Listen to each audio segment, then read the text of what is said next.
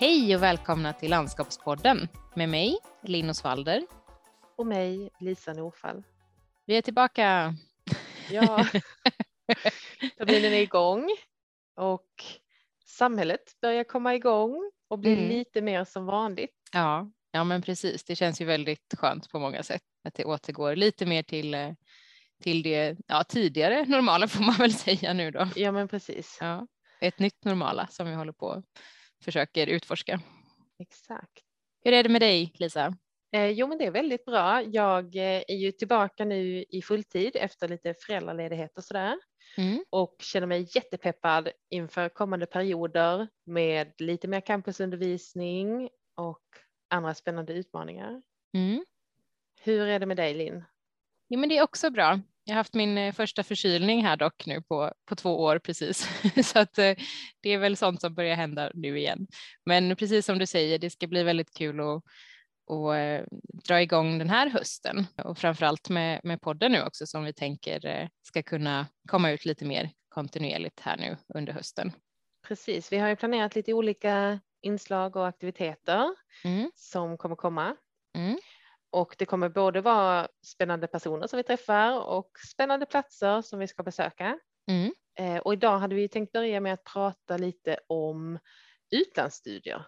Mm.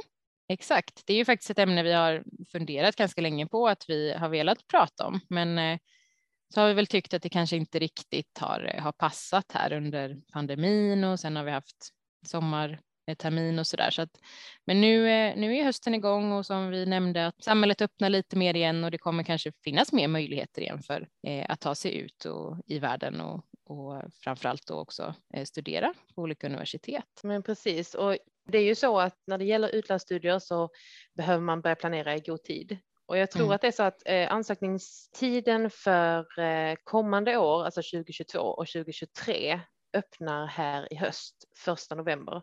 Så för studenter som lyssnar och går i utbytesstudenttankar, det är aldrig för tidigt att ta kontakt med SLUs mobilitetsteam och eh, börja planera eh, vad man vill göra. Och vi kommer också, jag ska ju prata lite om mina egna erfarenheter kring detta här idag. Eh, och precis som du nämner så är det ju en ganska lång process att man ska, man ska tänka på det i god tid för att eh, få den information man behöver och också få kanske ett par mål och sätta upp att eh, försöka nå den där platsen som man kanske väldigt gärna vill ha. Så det här avsnittet blir ju att det vänder sig ganska mycket till våra studenter på SLU, men vi kommer också diskutera lite kring ämnet landskapsarkitektur och hur man kommunicerar det på, på olika sätt utifrån vad vi kan se hur SLU beskriver yrket landskapsarkitekt och eh, hur eh, man gör det eh, på ett annat universitet då, där jag har studerat. Precis, för jag tänker att det är en av de stora vinsterna med just att göra en utbytesperiod, oavsett hur långt man åker eller hur lång den perioden är, så får man ju faktiskt ett annat perspektiv. Man möter ett annat samhälle och en kanske annan syn på landskapsarkitektur och inte minst den lokala politiken. Och så ser man då eh, var man själv kommer ifrån och de unika förutsättningar som vi har här i Sverige till exempel. Mm. Och det är ju så att jag har ju inte studerat någonting utomlands. Jag läste hela min tid här på SLU Alnarp, men mm. du har ju varit eh, iväg. En termin var det va? Mm, det stämmer, det var jag. Och jag bestämde mig nog ganska tidigt i min utbildning att jag ville göra Eh, någon form av utbyte. Kanske mycket för att jag bara tyckte att det lät spännande och kul, liksom bara en, en livserfarenhet rikare. Men jag tror också att jag ganska snabbt fastnade för en specifik location då där jag liksom kände att men det här är en, en plats som jag vill söka. Det var då i Skottland i Edinburgh och jag tror att jag fastnade mycket för den här, det här universitetet för att det lät lite annorlunda jämfört med SLU. Där gick utbildningen då på Edinburgh College of Art som man hör på namnet har lite mer eh, konst och designinriktning än vad vi har på SLU som är mer ett naturvetenskapligt universitet. Eh, men också att jag alltid har tyckt om eh, England och Skottland och landskapet och, och språket och så där. Så det, det kändes liksom som att det, det var någonting jag jag kunde se mig själv bo där. Så att jag kollade upp en del om, om de möjligheterna som fanns Eh, för att ta sig dit och blev väl varse ganska snabbt att det var inte jättelätt att få en plats där. Det fanns bara två platser för hela SLU då per år eller ja, jag tror att det bara är på hösten som man åkte dit. Och det här är ju då en, en ansökningsprocess med ett, eh, med ett urval. Så att vi behövde ju både då lämna in en portfolio och man skulle också lämna in ett letter of motivation med en beskrivning om varför just jag skulle få den här platsen och där vi också då kunde redovisa erfarenheter och, och kunskap man hade som kunde vara olika typer av meriter för ens ansökan. Du gjorde det här fjärde året av utbildningen, eller? Ja, precis. Det var första terminen på min master, exakt. Precis. Det var hösten 2011. Och hur tidigt började du med de här ansökningarna och att kolla upp hur du skulle göra och så? I mean, eh, jag gjorde nog det något år innan, eller kanske faktiskt till och med ännu lite tidigare, just för att samla på mig lite meriter då. Så jag försökte vara lite taktisk där också. Så att jag valde att gå med i kåren och blev eh, efter ett tag ordförande för utskottet internationella kontakter. Var du med någonting där Lisa? Det var det inte va? Nej, det var jag inte. Jag Nej. var medlem i kåren men inte mm engagerad. Nej. Nej, för att internationella kontakter var ju det utskottet då i kåren som eh, hjälpte till att arrangera väldigt mycket kring de utbytesstudenter som kom till oss på SLU Alnarp. Så att det var ju mycket att vi planerade för välkomstceremonier, olika event, fester. Vi hämtade upp dem vid tågstationen i Malmö när de eh, anlände till Sverige, körde dem till sina boenden och så vidare. Så det var faktiskt ganska mycket vi, eh, vi eh, roddade med kring deras ankomst. Och detta gjorde ju också att man lärde känna de internationella studenterna och på så sätt fick en bättre inblick i Eh, där de kom ifrån och hur, hur ämnet såg ut och vilka kurser de läste och så vidare på sina universitet. Så det var ju faktiskt också tre killar från just Edinburgh eh, som var hos oss som jag lärde känna och där jag fick en större inblick liksom för, för just det campuset också, vilket gjorde att jag fick upp ett ännu större intresse för just eh, att söka en av de platserna. Så det, det, är någonting man, kan, eh, man också kan tänka på, att man, man kan engagera sig eh, i kårarbete till exempel för att bygga upp den här typen av meritlista eller vad man ska säga som kan vara eh, positivt i ansökningsprocessen sen. Men mycket också för, för ens egen skull att kanske inse hur det är att vara utbytesstudent genom att hjälpa någon annan. Mm. Sen blev det ju faktiskt så att jag fick en av de här två platserna, vilket jag blev otroligt glad över. Eh, och det var, kändes jättespännande och kul och, och lite läskigt också såklart, men det var verkligen liksom en, en stor lycka när jag fick det beskedet att jag skulle få åka till Edinburgh i en termin. Så det var jag från eh, Alnarp och sen var det också en tjej eh, från eh, SLU i Uppsala, Julia, som var där samtidigt som mig. Så att vi, eh, vi eh, umgicks en hel del och, eh, och liksom stöttade varandra en del i början när vi då eh, anlände. Och det första som vi gjorde liksom när vi kom dit, ingen av oss hade ju fixat ett boende innan eh, vi kom dit. Man kunde ju ansöka det genom universitetet att få olika studentrum och så där i, i korridorer, men jag hade valt att jag ville fixa fixa boende själv efter att ha, ha läst om att det var ändå eh, hyfsat lätt att, eh, att på egen hand leta bostad väl på plats. Eh, det var mycket man kunde läsa på olika forum och så där kring, kring hur det funkade. Eh, för Edinburgh är ju en ganska stor studentstad så generellt. Det är mycket internationella studenter där också. Så att, eh, vi bodde på hostel eh, i början när vi kom dit och varje dag då gick på inplanerade visningar. Och det var inte riktigt visningar kanske så som vi har det här hemma, utan då var det ofta då Eh, en eller ett par studenter som hade fått ett kontrakt på en lite större lägenhet där det kanske fanns då fyra eller fem rum. Och så var det då de här studenterna som hyrde ut rum till andra studenter då. Så att det var lite som eh, anställningsintervjuer nästan. Man gick dit och så eh, frågade ju de en massa om en och man eh, eh, man kunde ju vara där med kanske 15-20 andra personer samtidigt liksom. och så fick man ju försöka haffa då de som bodde där och prata lite med dem och, och ställa sig in eh, hos dem samtidigt som man själv fick känna av dem. Är det här några jag kan tänka mig att bo tillsammans med? Så det var ju lite speciellt. Och i början, jag tror ändå att vi, vi bod, bodde ju nästan två veckor på det där hostlet tror jag. Och i början hade ju jag och Julia tänkt att vi skulle bo tillsammans, men, men sen blev det inte riktigt så, utan vi fick inse att eh, vi får nog söka boende var för sig. Och till slut så hittade jag då eh, en lägenhet där det bodde tre stycken tjejer och en kille och de hyrde ut ytterligare ett rum här då. Det var två tyska tjejer, en brittisk tjej och en tysk kille också. De valde ut mig till eh, att få det här sista rummet, vilket var jätteskönt och det kändes jättebra för att det var verkligen eh, personer som, eh, som det kändes väldigt bra med som man klickade med. Så, där. så att så fick jag boende kan man säga. Men det fanns ju såklart andra möjligheter också att man, man kunde ansöka genom, genom skolan. Hur kändes det de där första två veckorna? Var du orolig eller kändes som det här kommer att fixa sig? Ja, men jag var ju lite orolig var jag, absolut. När jag tänker tillbaka på det så, så känns det konstigt att jag gjorde på det där sättet. Jag hade ju dessutom då bokat in att jag skulle åka till Irland efter de där två första veckorna, för jag hade på något sätt räknat med att jag skulle få ett boende. Sen skulle jag åka en vecka till Irland på eh, ett ridläger eller träningsläger för att sen åka tillbaka och börja, börja skolan.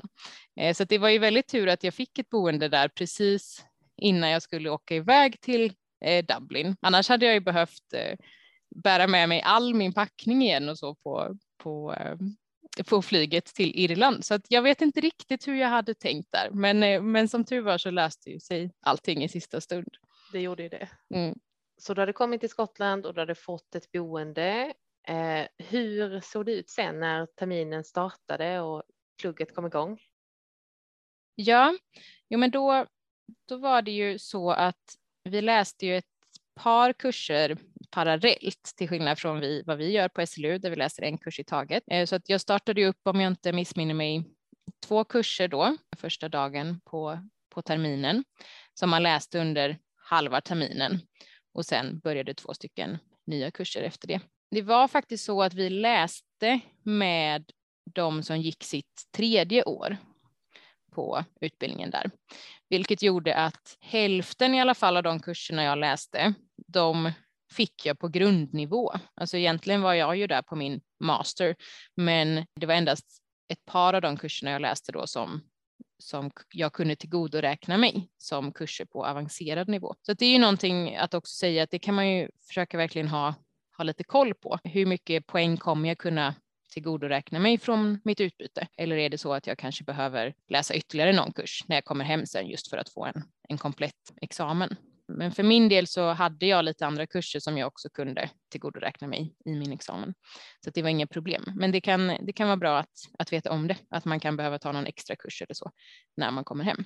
Men eh, jag läste då fyra kurser på den här terminen som var av lite olika slag. Det var en lite större eh, designkurs som ju var ganska lik de här eh, studiekurserna som vi läser på Alnarp och detta var alltså deras tredje år. Eh, så då var det ju en, en studiekurs som ändå mm, där vi arbetade med en lite större skala. Och då såg det ut lite precis som det brukar göra hos oss också, att vi åkte med buss på studiebesök till den här platsen som vi skulle jobba med. Och eh, jag kollade upp här lite nu. Jag hittade faktiskt på kartan den här platsen som, som vi jobbade med i kursen. Och det var en, eh, en konstgjord ö som kallas för Preston Island. Och den ligger söder om en eh, stad som heter Low Valley Field i Fifth of Forth i kommunen Fife i Edinburgh.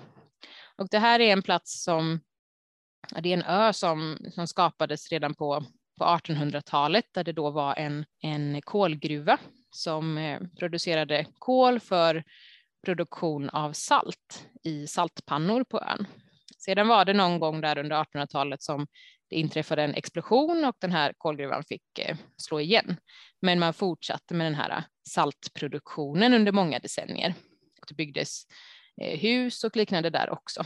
Så att Efter ett tag så inrymde också den här ön ett olagligt destilleri och det finns det också välskötta ruiner kvar av idag på platsen. Men idag så är det inte längre en ö utan man har byggt på den här med ny mark, så att man har gjort landåtergivning i form av aska från ett närliggande kraftverk. Så att man kan säga att hela den här platsen har en, en jord av aska och att den är uppbyggd av, av aska.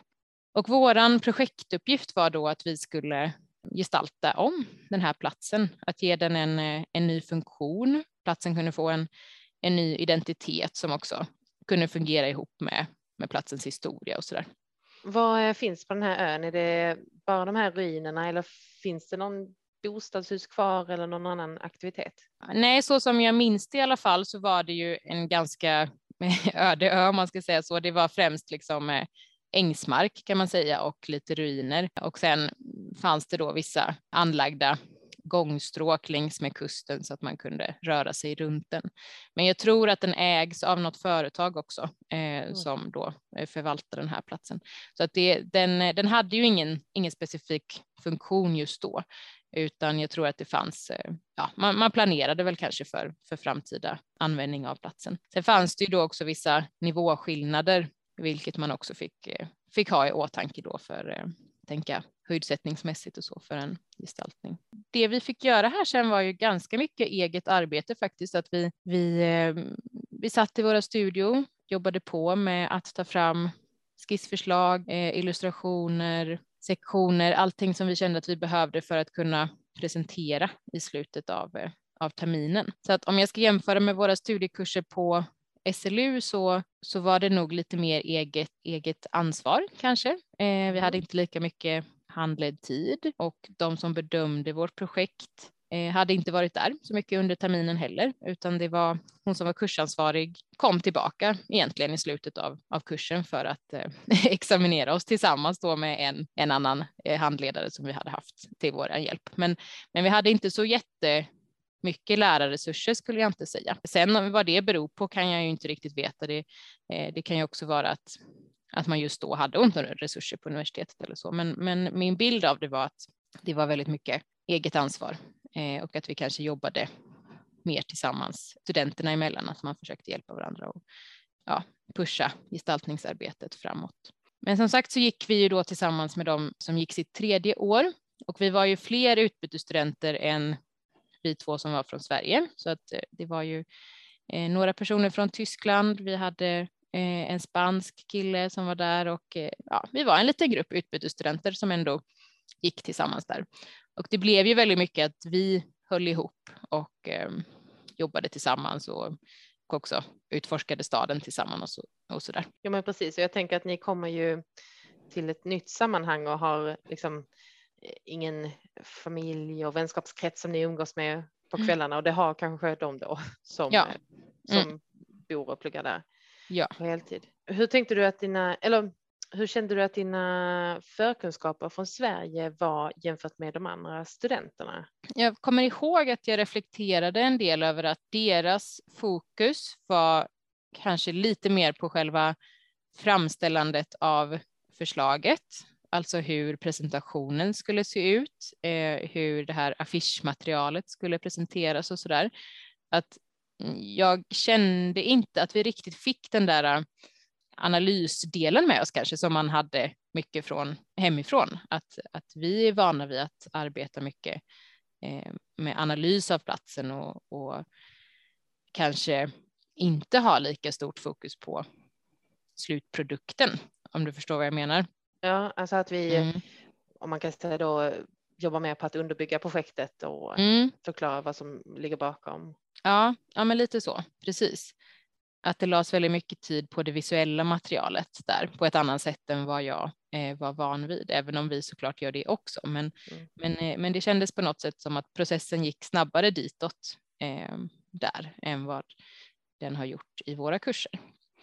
Eh, så det, det var ju intressant att, att se och, det, och det, vi kommer komma in på det lite mer sen när vi ska diskutera hur man beskriver ämnet och yrket. Men eh, jag tror att det kan det kan också påverka bilden av, av yrket, hur, hur kurserna är, är upplagda. Och jag vet också att de här killarna som var hos oss på utbyte nämnde någon gång också där att vi jobbade mer med planering och så där än vad de var vana vid att göra. Så att jag tror att det, det finns ju lite olika fokus på olika mm. campus. Och förutom den här kursen då så läste jag en lite mer teknisk kurs som hette Landscape Engineering. Där var det lite mer en teoretisk kurs där jag tror att vi jobbade mycket med dagvatten, har jag för mig. Mm. Att vi fick skriva om dagvatten och eh, titta på lite olika projekt och göra en, en rapport om det här. Så det var en lite mer teknisk kurs ändå. Sen fanns det också en, eh, en kurs som var lite specialgjord för oss utbytesstudenter där man eh, fick skriva om ett ämne. Man fick välja ett ämne själv som inspirerade en och välja ut ett antal projekt att beskriva kring det här ämnet. Hur det har inspirerat mig och hur det motiverar mig i min, i min eh, idé och mitt sätt att, att jobba med landskapsarkitektur. Man fick också välja att istället göra en utställning eh, om man ville, vilket eh, några eh, gjorde. Så det var en väldigt fri kurs kan man säga, där vi egentligen bara lämnade in antingen den här eh, skriftliga rapporten eller att man hade en vernissage av sin utställning. Och den sista kursen, den var också lite speciell. Det var en, en kurs i glaskonst kan man säga, eller den hette tror jag Architectural Glass in Landscape Architecture eller någonting sånt. Och där fick vi då testa på olika sätt att arbeta med glas. Det kunde vara att foga samman glas, skära i glas, eh, sådär liksom sand med hjälp av tryck och sand, eh, forma mönster i glas och printa foton på glas och alltså sådär. Det var flera olika tekniker och syftet med det var ju då att tanken var att vi skulle jobba lite skulpturellt och tänka att det här objektet som vi skapade skulle vara en skulptur i ett landskap någonstans. Så att vi skulle jobba utifrån den bilden av det här. Det var ju som en modell kan man säga vi skapade så att vi skulle tänka oss den i i skala 1 till 1 någonstans ute i ett landskap. Vi fick skriva en dagbok kring detta, göra skisser där man då kunde, kunde följa våran process och examinationen av det var då den här liksom, notebooken med skisser och anteckningar, tankar kring den här skulpturen och även då eh, modellen. Så att det var en eh, väldigt intressant kurs. Det var väldigt eh, kul att vara lite mer kreativ, lite mer praktisk och så där det är ju, det är ju definitivt en annorlunda kurs än vad vi kanske är vana att jobba med, även om vi har formlära som är lite liknande på, på vissa sätt. Men eh, ja, det var men de fyra kurser jag läste. Ja, men jag tänker att det ändå är en, en fördel då med att vara på en konstskola, att det finns de där resurserna. För att mm. eh, glas är ändå ett speciellt material och kräver eh, kunskaper och vissa ja, men särskilda lokaler och så där för att mm. hantera. Mm. Så det är ju en jättefin erfarenhet. Mm. Ja, men precis. Edinburgh College of Art, ECA som det förkortas, eh, det är ju eh, den skola där jag gick under den här terminen. Jag vet att de nu för tiden är mer kopplade till eh, The University of Edinburgh som är ett, en annan, ett annat universitet då. Jag tror att de har någon form av samarbete, de här två skolorna nu kring utbildningen. Så att det kan skilja sig lite nu från hur det var när jag gick där. Men eh, både ICA och eh, Edinburgh University ligger centralt i staden. Universitetet har liksom utspridda lokaler också över runt om i stan. Men ICA ligger lite strax norr om mm, The Meadows som är en, en stor central park i, i södra delarna av staden som många känner till om man har varit i Edinburgh. Och det ligger väldigt fint lite uppe på en, eh, en liten höjd, jättefina lokaler med eh, kafeteria och restaurang och så där och eh, ja, väldigt nära till, till mycket av de centrala delarna av, av staden. Jag bodde som sagt då, eh, den här lägenheten jag fick tillsammans med de här andra studenterna. Den låg i en stadsdel som heter Newington på South Clark Street som var en ganska stor gata. Men det var gångavstånd för mig till till skolan här då också. Det låg också väldigt nära det som heter Hollow Road Park och Arthurs Seat som kanske vissa känner igen som är den stora utkikspunkten i Edinburgh. En, eh, en stor kulle man kan klättra upp på med den här kringliggande parken runt omkring. Då. Så att det är en väldigt fin stad, Edinburgh. Alltså lagom stor tycker jag, man kan nästan gå till fots överallt och det är ju väldigt mycket gamla fina byggnader, stenhus och så. Eh, så det är en otroligt vacker stad som, eh, som omges av den här siluetten av eh, det fina highlands och landskapet. Så det, det är ju otroligt vackert. Var det som du tänkte dig att bo och leva här? Ja, bra fråga. Jo, men det, det tycker jag nog. Alltså jag hade en väldigt, väldigt bra upplevelse av mitt, min, min period där. Alltså jag trivdes jättebra med de jag bodde med. De här två tyska tjejerna har jag fortfarande kontakt med. Vi har setts mycket, mycket efter dess att de har varit och hälsat på mig i Sverige. Jag har varit på bröllop när de har gift sig och så där. Så att vi har ju verkligen, där hittade vi verkligen varandra och det blev ju också att man, eh, man med hjälp av, liksom, hjälp av dem utforskade staden mycket. De hade också varit där lite längre eh, än vad jag eh, var. Ja, det var, det är en, en, en väldigt bra studentstad skulle jag säga.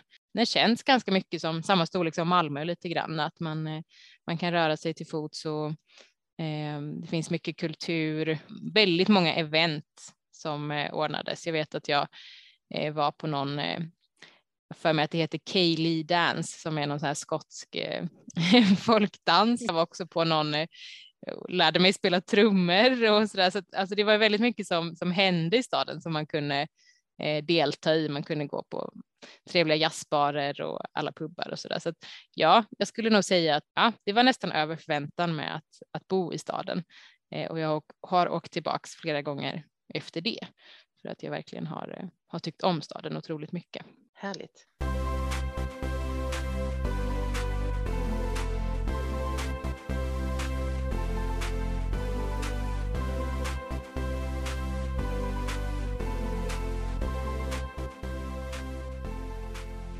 Men jag tänkte att vi, vi ska gå in lite djupare bara att titta på eh, kanske skillnaderna i eh, hur man beskriver programmen på Edinburgh University och eh, här hos oss på SLU.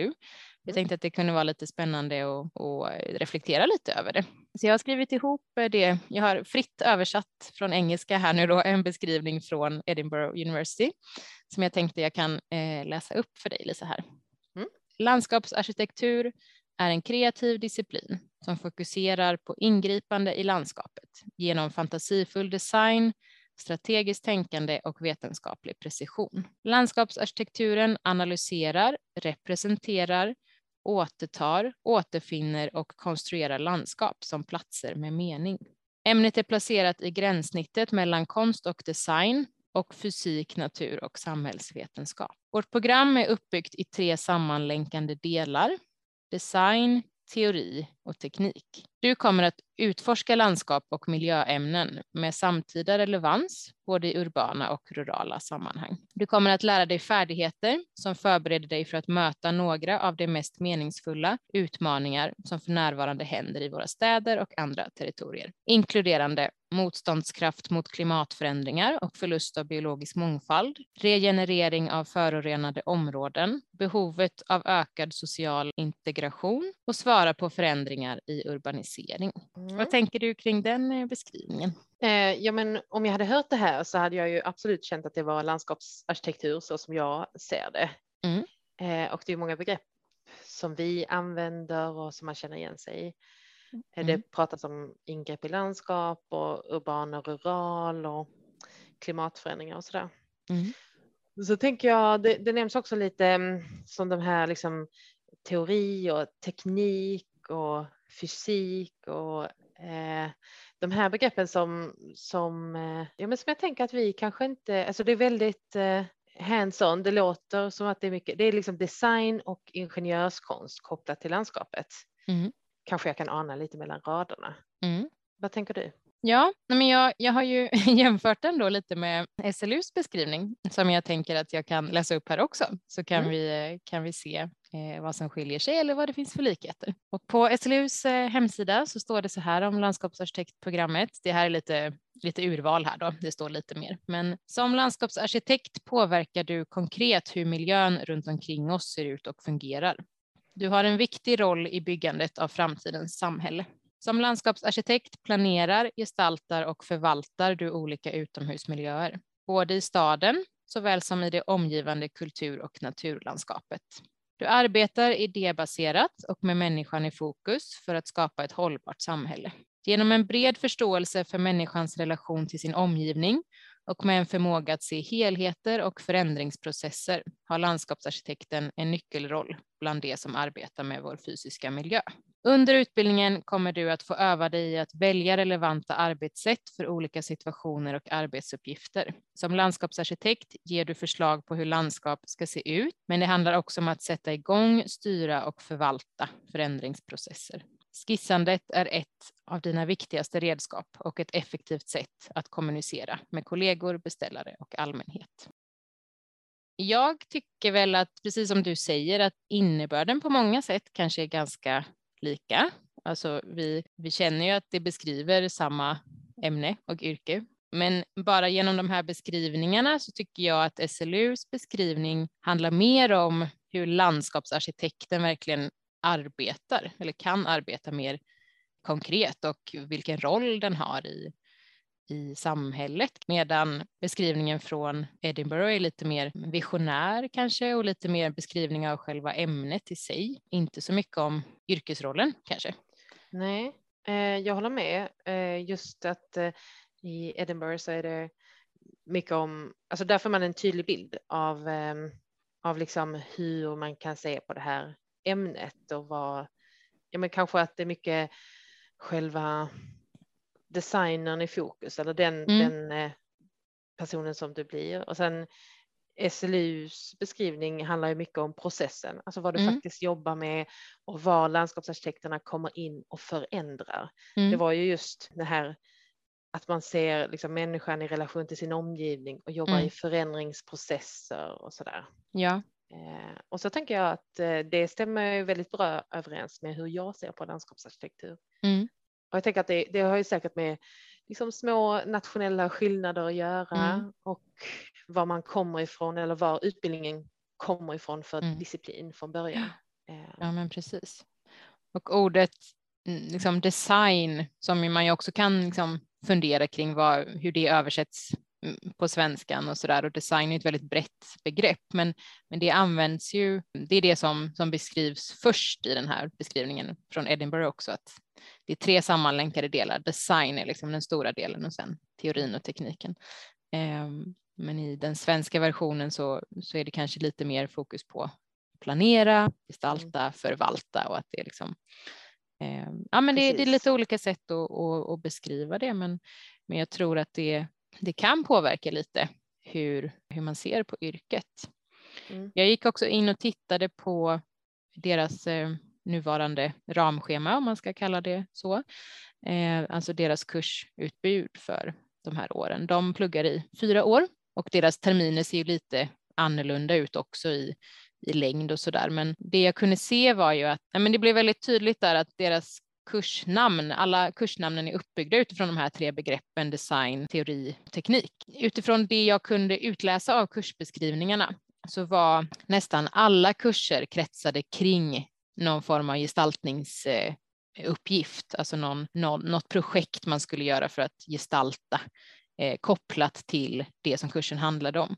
Så att de har inga specifika kurser som heter eh, eh växtkunskap eller vegetationsbyggnad eller så, utan det är då inbakat i de här teknikkurserna. Men att även där så är då slutprodukten ofta att designa med det material som man arbetar med. Och det gör ju vi på väldigt många sätt i våra kurser också, men det känns lite som att vi ibland lyfter ut vissa ämnen på ett lite annat sätt och kanske tittar på det, inte bara utifrån det perspektivet, utan också på andra sätt. Ja, men precis. Och så har vi ju då kanske lite mer renodlade studiekurser där mm.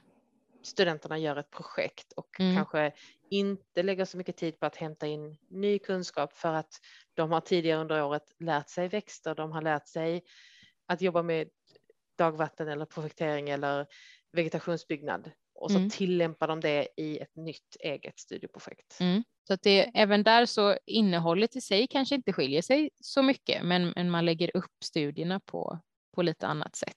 De har också en hel termin, alltså då i alla fall, det borde motsvara 30 eh, högskolepoäng hos oss som är eh, praktik, där de både gör en, precis som, som vi har det också, en, en praktikplats på ett eh, kontor oftast i deras fall tror jag. Men innan det så har de också förberedande kurser för att förbereda sig inför den här praktiken kan man säga.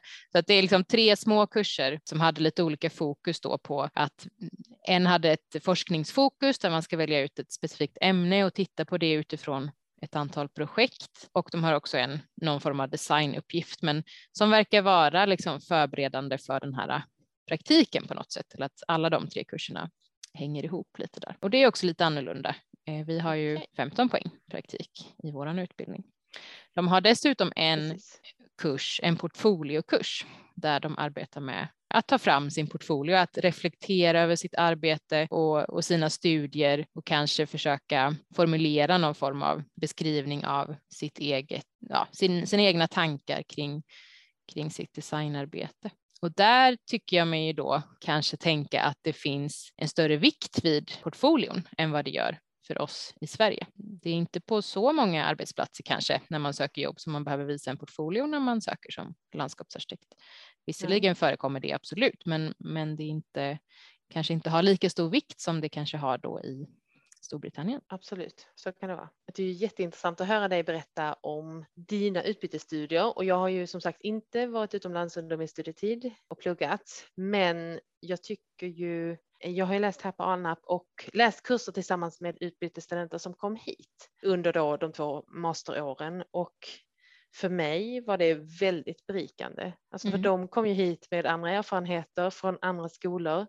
Framförallt eh, europeiska studenter från Storbritannien och Tyskland, Nederländerna och eh, Frankrike och sådär, mm. men också utomeuropeiska studenter. Och det händer ju någonting med diskussionsklimatet när eh, folk kommer med så olika erfarenheter. Jag tycker att det har bara varit positivt. Ja men verkligen. Och, och jag tycker ju att, att jag gjorde de här utbytesstudierna har ju också gett mig otroligt mycket. Eh, jag tror att jag tidigare har mest sett det som att det kanske för mig personligen gav väldigt mycket i min, i min utveckling och i min livserfarenhet, men att jag framför allt nu när jag började tänka efter kring det här avsnittet vi skulle göra nu, att det har nog gett mig väldigt mycket nya perspektiv eh, yrkesmässigt också. Och att eh, man börjar fundera på vad yrket och ämnet kan betyda och att det kan hjälpa en att också tänka lite extra när man kommunicerar landskapsarkitektur och när man kommunicerar till exempel med utbytesstudenter. Att man, att man har en, en förståelse för att man kan se olika på frågor från olika perspektiv. Det tror jag också är viktigt för mig eh, som pedagog och lärare nu. Säkerligen. Ja, vi kanske till och med skulle ta ett avsnitt framöver och försöka intervjua någon utbytesstudent. Det hade ju varit intressant att få se ännu fler perspektiv från andra eh, håll i världen. Ja, men absolut. Det tycker jag vi ska försöka fixa.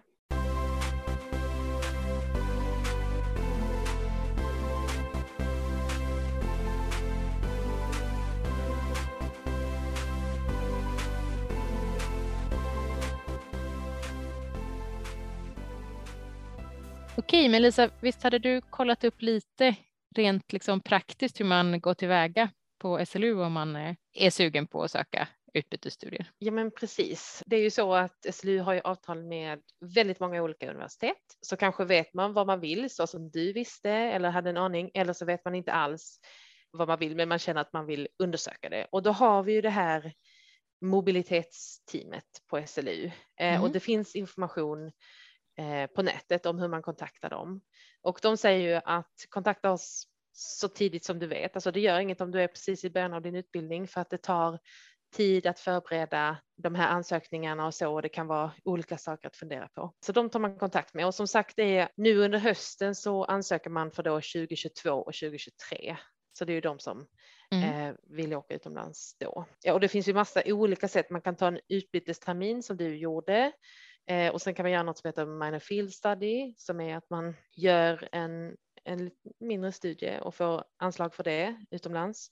Och man kan också skriva sitt examensarbete eller varför inte fundera på att göra praktik utomlands mm. på något sätt. Och Det finns ju också massa olika saker om stipendier och hur man hanterar kostnader och så där. Där är samma sak, SLU mobilitetsteamet kan alla de där sakerna. Jättebra. Vi kan ju lägga ut en kontaktuppgift där kanske på Instagram. Det gör också. vi. Mm. Det gör vi. Ja. ja, precis. Och som du nämnde att det jag gjorde var ju ett Erasmus-utbyte som det kallas, som är Mm. inom Europa då. Sen är det ju många som åker utanför Europa och då är det nog oftare att man är borta ett helt år till exempel. Mm. Man kan ju kolla upp lite också vad, vad som passar en själv eller man kanske till och med vill söka en hel master utomlands eller så. Så det finns ju massvis med möjligheter som jag tycker att man, man ska kolla upp i alla fall om man är intresserad så kan man se vart det leder. Nu under hösten så tänkte vi ju eh, försöka oss på en ny utgivningsdag, att vi släpper podden på måndagar. Vi tänker att det kan funka som lite pepp i början av veckan. Ja, ja men det, det tänker vi och eh, vår förhoppning är att kunna släppa ett antal avsnitt här nu under, under hösten som sagt och, eh, med lite spännande intervjuer. Det är väldigt roligt med de avsnitten. Ja, ni får eh, hålla utkik på våran eh, Instagram där vi heter Landskapspodden. Om ni har några frågor, funderingar eller vill tipsa om någonting vi ska prata om så kan ni också mejla oss på landskapspodden slu.se. Ja, det kanske är det vi har för idag, Lisa va? Ja, Ja, då säger vi tack. ha en bra vecka. Hej då!